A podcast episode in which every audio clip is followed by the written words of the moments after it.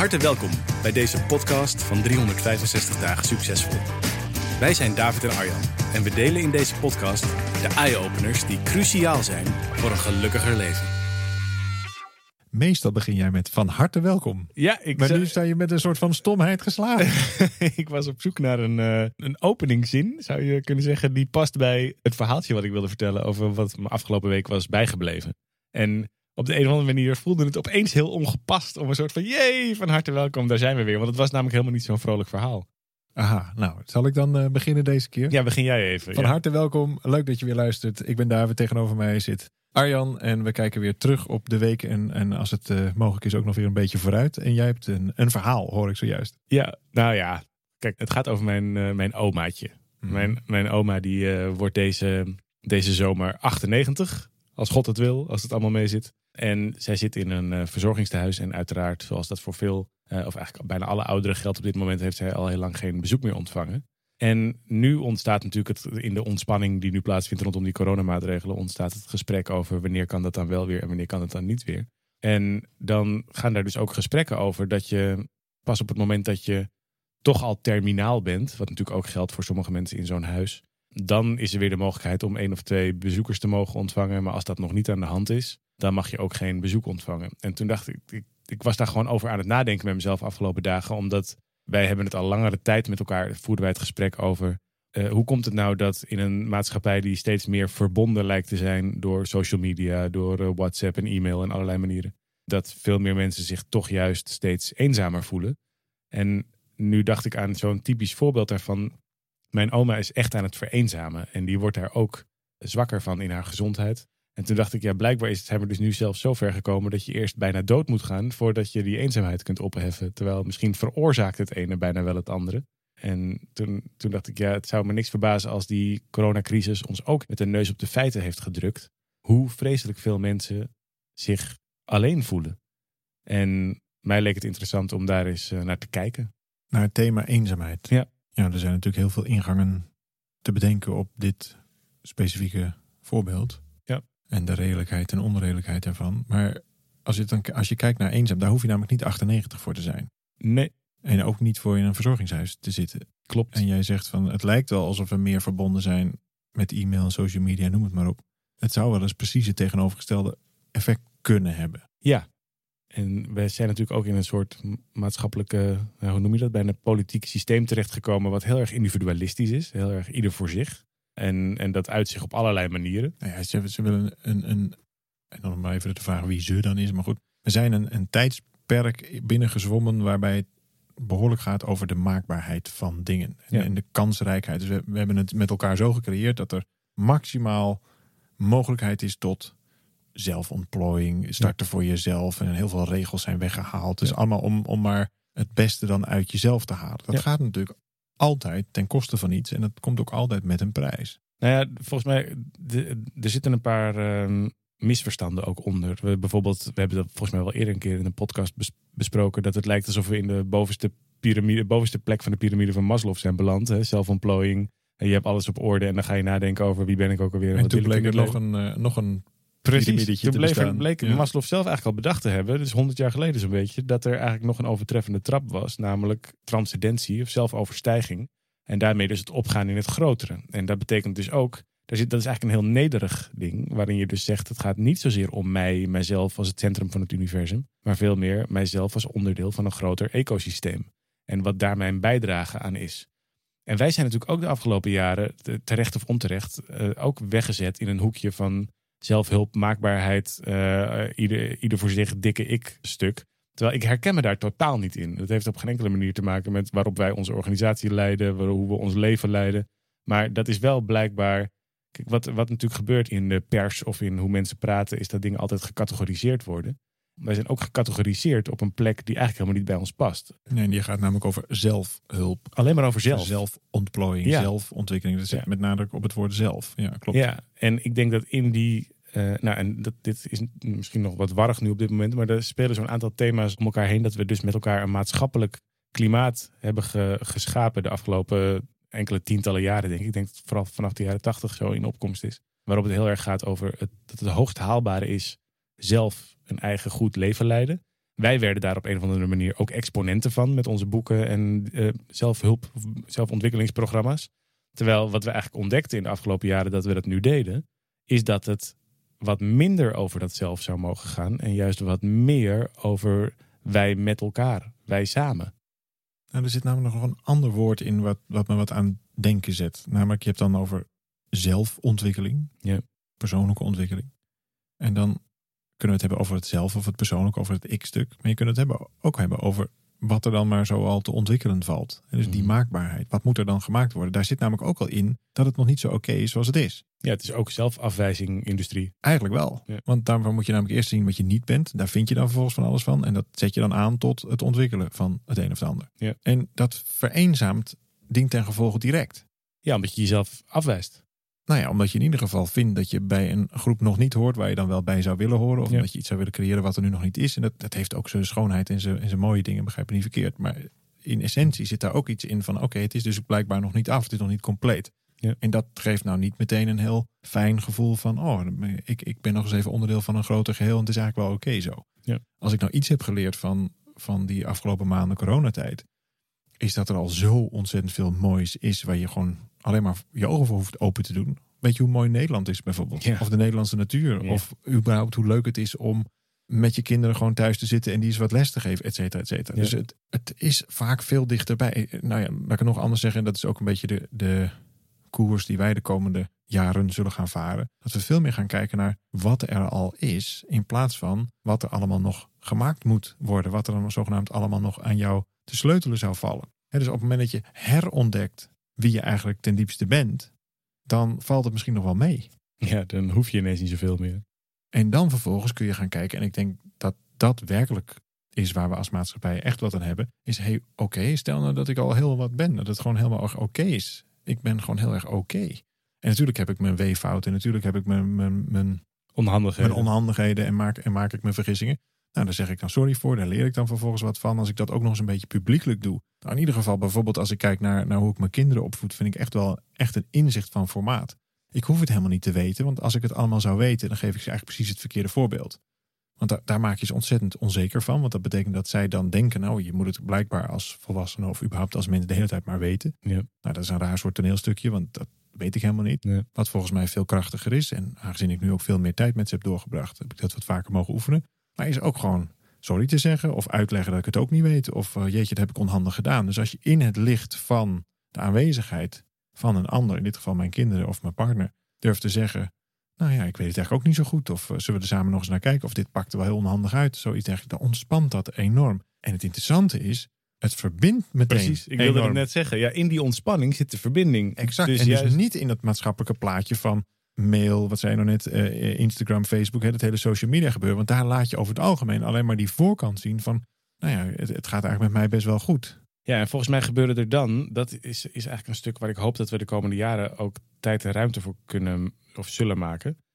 Er gebeurt volgens mij iets interessants. Want als je inzoomt op de problematiek van eenzaamheid.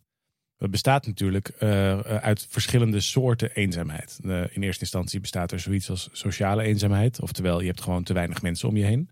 Ten tweede bestaat er zoiets als emotionele eenzaamheid. Oftewel, dan kun je nog steeds zoveel mensen om je heen hebben, maar je voelt je niet thuis in die omgeving. Je voelt je niet gezien, je voelt je niet begrepen. Uh, waarschijnlijk zit daar dan weer achter, je moet zo even je rijtje afmaken, maar dat, dat sociale eenzaam zijn is dus eigenlijk helemaal niet zo eenzaam als in de, in de letterlijke betekenis van die eerste categorie. Want ik heb gewoon te weinig mensen om me heen maar voel je waarschijnlijk gewoon niet zo dicht bij jezelf. Dus op het moment dat jij het idee hebt dat je iets moet zijn wat je eigenlijk helemaal niet bent, of in ieder geval iets moet voorhouden wat je misschien maar ten dele bent. In ieder geval een beetje dat, dat zoals ik dat dan maar zie, dus dat sociale Instagram filter maar over je eigen leven heen moet leggen. Ja, daar word je natuurlijk enorm, krijg je een enorm eenzaam gevoel van, want het gaat namelijk eigenlijk niet over jou. Dat wat jij bent, blijft eigenlijk achterwege, blijft buiten beeld. Ja, dat vereenzaamt dat stuk in jou, wat wel jouw jouw innerlijke emotionele wereld voedt, ja, wordt gewoon simpelweg niet gezien. Dus je laat een, maar een deel of zelfs helemaal niks van jezelf zien. ja, als je, alleen maar, als, ja, als je alleen maar het plaatje aan de ander laat zien. Dus je bent eigenlijk het plaatje aan het maken in plaats van jezelf. Exact. Dan verdwijn je dus zelf. En dus vereenzaamt dat zelf. Ja, exact. Hogeschool uh, abstractie. En maar je had twee dingen. Je zegt, je zegt maar gewoon te weinig vrienden. Dus sociale Ja, eenzaamheid. te weinig vrienden of geen relatie terwijl je het wel graag wil. Bijvoorbeeld, dat eh, kan een vorm zijn van sociale eenzaamheid. Ja. Wat ik bij mijn oma zie, die mag geen mensen Ja. zien. Dus, Ja, dat. sociale eenzaamheid. Tweede is emotionele, Emotionele, eenzaamheid. Dat zie ik ook bij mijn oma. Maar dat zie ik nog steeds bij veel mensen ook. Dat kan ook Ja. zijn dat je wel, je wel een relatie hebt, wel veel vrienden om je heen. Maar toch voel je je daar op een of andere manier buiten staan. Of niet begrepen, niet verbonden, eh, niet thuis. Nou, Nou, als je het gevoel herkent dat het leven minder over jou gaat dan je zou willen, is het eigenlijk al een vorm van emotionele eenzaamheid. Ja, en, die, en, en dan is het de derde. En ik denk dat dat lange tijd onderschat is. En ook veel meer speelt dan dat we in de gaten hebben. En dat is zoiets als wat ze noemen existentiële eenzaamheid. Oftewel, eh, je leeft je leven, je hebt mensen om je heen. Maar je voelt je niet verbonden met een grotere reden van bestaan. Je hebt eigenlijk geen goede reden om uit je bed te komen 's ochtends. Behalve dat de wekker gaat en dat er ergens eh, iemand op je zit te wachten in een Zoom-call of eh, op een kantoor of waar dan ook. Of omdat de kinderen naar school moeten. Maar je hebt niet een echte reden om elke dag op te staan, om je maximale leven te leiden, om te doen wat je zou kunnen doen, om daarin eh, van betekenis te zijn. Nou ja, en dat werd natuurlijk vroeger, nog niet eens zo heel lang geleden, werd dat we ook dat deel voor een heel groot deel voorgeschreven en gaf een betrekkelijke mate van rust. Bijvoorbeeld door religie. Bijvoorbeeld. Ja.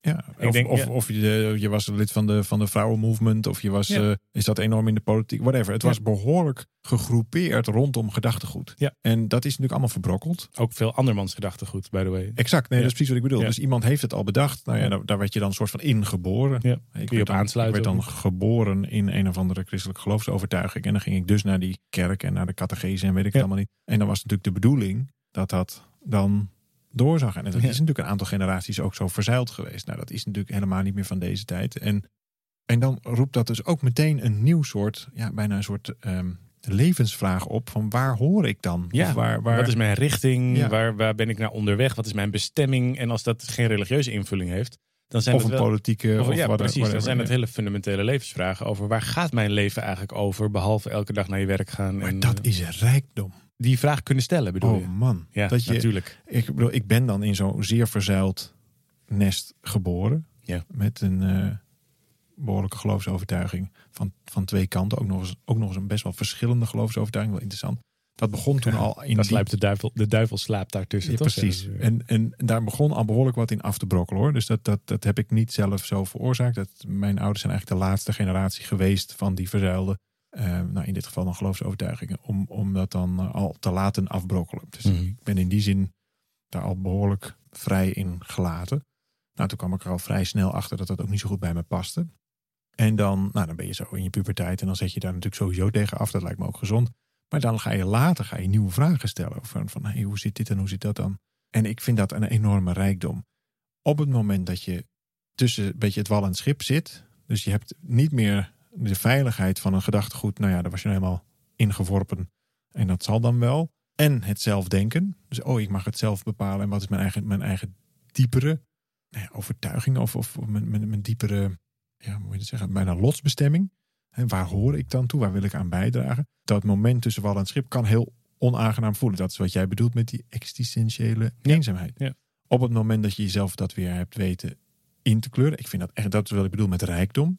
Dat we dat dus niet meer hoeven over te nemen van buitenaf. Want dat werd, precies wat je net zei, dat werd eigenlijk voor een heel groot deel al bepaald. Je Ja. was nou eenmaal arbeider, dan zat je bij een vakbond en dan, en je vader zat daar ook. En, nou, en dan, Ja. hup, dan rol je er gewoon bijna als een soort kastenstructuur eh, van generatie op generatie. eh, rol je daar dan in. Nee, nu zit, leven we in een tijd dat je dat zelf mag bepalen. En dat trekt dus ook een bepaald vacuüm tussen die twee gebieden. En toch zou ik hier willen zeggen, is dat misschien wel de grootst mogelijke rijkdom. Omdat je kunt kiezen. Precies, omdat daar zit je vrijheid. Wat ik zo lastig vind aan. Nou, eh, eh, laat ik zeggen, als je geluk wil ervaren, een heel belangrijk onderdeel van geluk is dat je het gevoel hebt van flow. Dat, je, dat, er, dat de dingen ook een beetje naar je toe komen. Dat je, daar wat, dat, dat je er wat, wat makkelijk tussendoor kan zwemmen. Eh, Ik hoop dat je begrijpt wat ik bedoel.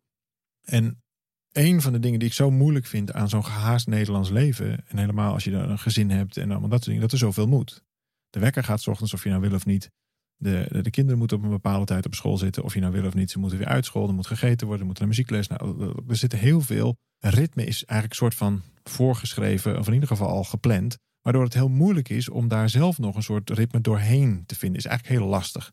Nou, dat maakt het best wel moeilijk. Ook om dan het gevoel te hebben van, nou, van, van een zekere zin van ontspanning of van eigen keuze. Omdat er al zoveel gekozen is. Ja, je hebt één keer de grote keuze gemaakt om dan dat gezin te hebben of het nest te, creëren. Maar daarna ligt er eigenlijk best wel veel vast.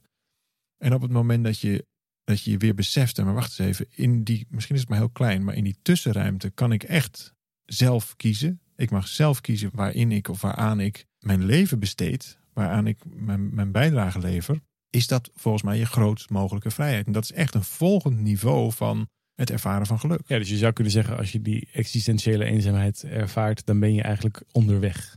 Dan ben je eh, onderweg naar, het, naar de juiste antwoorden. Ik denk dat je welke vorm van eenzaamheid je ook ervaart, als je je bewust bent dat het bij eenzaamheid hoort, ben je al een stap verder. Ja. Kijk, op het moment dat je namelijk alleen maar de emotie hebt, maar nog niet het bewustzijn hebt bij waar het vandaan komt of wat het überhaupt is, dan leid je daaronder. Ja. Ik voel me eenzaam, ik heb geen idee waarom, maar eh, ik ben ongelukkig. Ja, en dat ga je dan verstommen vervolgens door, oh, weet ik veel, heel hard te werken, te veel te Ja, drinken, daar heb je te dan- tinderen. Ja, daar heb je dan je overlevings, Eh, je copingmechanisme, je overlevingsstructuur, heb je daarop bedacht. Op een gegeven moment kom je tot de ontdekking van, ik ben eigenlijk gewoon helemaal niet zo happy. Nee. Ik ben gewoon niet zo happy. Hoe komt dat nou?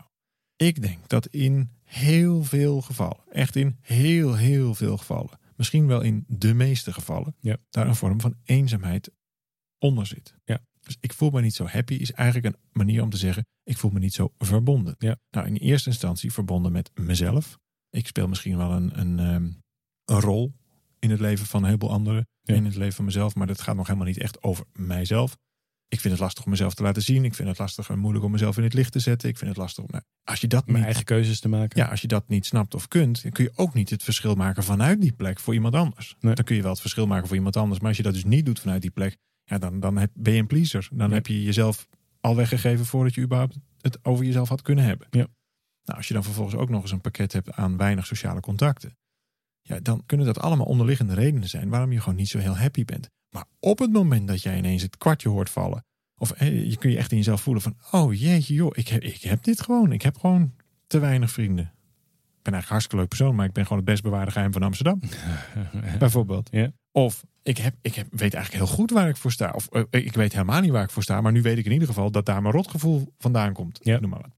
Dan ben je al zoveel dichter bij de oplossing. Dus met andere woorden, welke vorm van eenzaamheid je ook maar ervaart, op het moment dat je durft te beseffen, hé hey, wacht eens even, dit is eigenlijk gewoon eenzaamheid. Ik voel me op dit stuk alleen. Dan ben je al zo dicht bij die oplossing. Dan heb je al een heel deel van de persoonlijke anamnese heb je eigenlijk al, al te pakken. Deze podcast verandert zo langzamerhand steeds meer in een, een activerende oproep. Het klimaat voor het ervaren van eenzaamheid is nog nooit zo sterk geweest als nu. Dat, corona maakt dat extra duidelijk, maar dat speelt natuurlijk al jaren en jaren door, door een steeds individualistischere samenleving, door steeds meer Instagram-perfectie waar je aan moet voldoen, door het wegvallen van religieuze of politieke systemen, verzuiling waar je onderdeel van kon zijn, door een steeds hogere eh, productiedruk, waardoor je leven zo druk en vol zit met allerlei dingen dat je nooit meer toekomt aan dat soort persoonlijke vragen. En die hele combinatie van, van ingrediënten bij elkaar maakt een maatschappij waarin veel mensen alleen zijn. Tegelijkertijd zit er op die eenzaamheid een taboe, omdat we onszelf daarop afwijzen. Omdat we het verhaal vertellen, joh, als ik eenzaam ben, dan ben ik blijkbaar niet leuk genoeg. Dan ben ik blijkbaar niet goed genoeg. Dan kan ik blijkbaar dingen niet die de rest van de wereld allemaal wel kan. Ja, ik zou dit toch moeten kunnen. Nou, Exact. daar word je dus nog eenzamer van. Precies. Dus dat is een zelfversterkend ding. Ja. En de, de oproep waar deze podcast volgens mij langzamerhand zo naartoe gaat, is dat je dat in eerste instantie bij jezelf herkent. En durft te zeggen, wacht eens even, veel meer van wat ik eigenlijk zou willen voelen in mijn leven, zou willen ervaren. Het heeft te maken met verlangen naar verbinding. Met mezelf, met, eh, met het leven, met de mensen om me heen. Maar ook verbinding met de wereld. Met een, een, een, een- misschien wel een betekenis hebben. Hier iets achterlaten, impact maken op een bepaalde manier.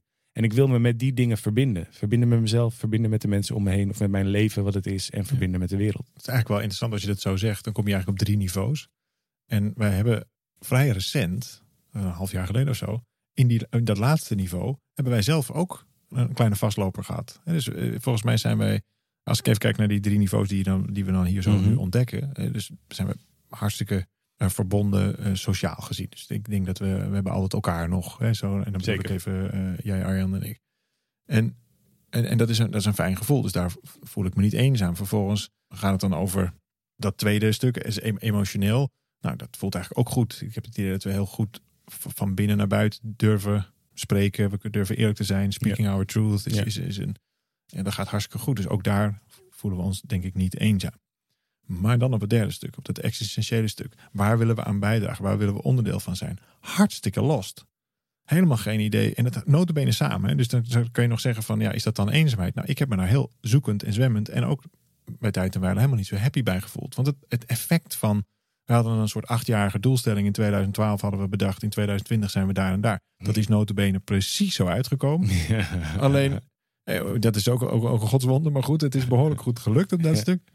En toen ineens was er ook daar het vacuüm van. En, wat nu? dan? Gaan we dan elkaar loslaten? Hebben we ook wel even overwogen. Gaan we dan gewoon allebei een andere kant op? Nou, dat is eigenlijk ook wel jammer. Maar ja, dan zijn we misschien wel nog eenzamer. Maar dat is natuurlijk nooit een argument om bij elkaar te blijven. Dus we hebben weer opnieuw invulling moeten geven aan dat. Waarom dan samen? Waaraan dan? Waar gaan we dan aan bijdragen? Dus in de eerste instantie ontdekten we. Hè, je, hebt, je hebt iets als, als, als jezelf. Je wil, je wil in hoge mate dicht bij, bij jezelf, vanuit jezelf dingen doen. Nou, waar sta je voor? Wie ben je dan? Et cetera. Vervolgens en dat, dat, was, dat, dat zat eigenlijk al goed. Vervolgens hebben we natuurlijk gekeken dan, oké, waar wil je dan waar wil je dan het verschil maken? Wat, wat, wat, is, wat is het stuk, wat kun je dan inbrengen? Wat zijn dan die talenten? Weer zo'n soort nieuwe, nieuwe stip. Maar dan in het laatste stuk, en dat is denk ik het aller, allerbelangrijkste. Wat wil je betekenen in de wereld?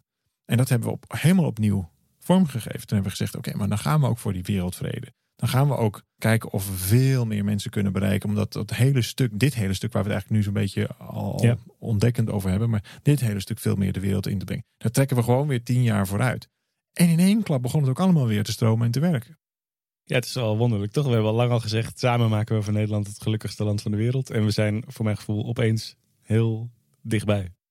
Ja, mooi. Dankjewel voor het luisteren. Dat was hem weer voor deze week. De overdenkingen en nou ja, weinig vooruitblik. Of juist heel veel vooruitblik. Zo kan je het ook zien. We, gaan misschien wel tien jaar, tien jaar vooruit. Dankjewel voor het luisteren. Heb je hier wat aan? Deel het dan met ons. We vinden het fijn als je je abonneert op onze podcast. Dat kan op Spotify en op je andere favoriete podcastkanalen ongetwijfeld. Deel de podcast als je het leuk vindt op de sociale media. Daar help je ons mee. En dan maken we op die manier met elkaar samen van Nederland het gelukkigste land van de wereld. Tot gauw.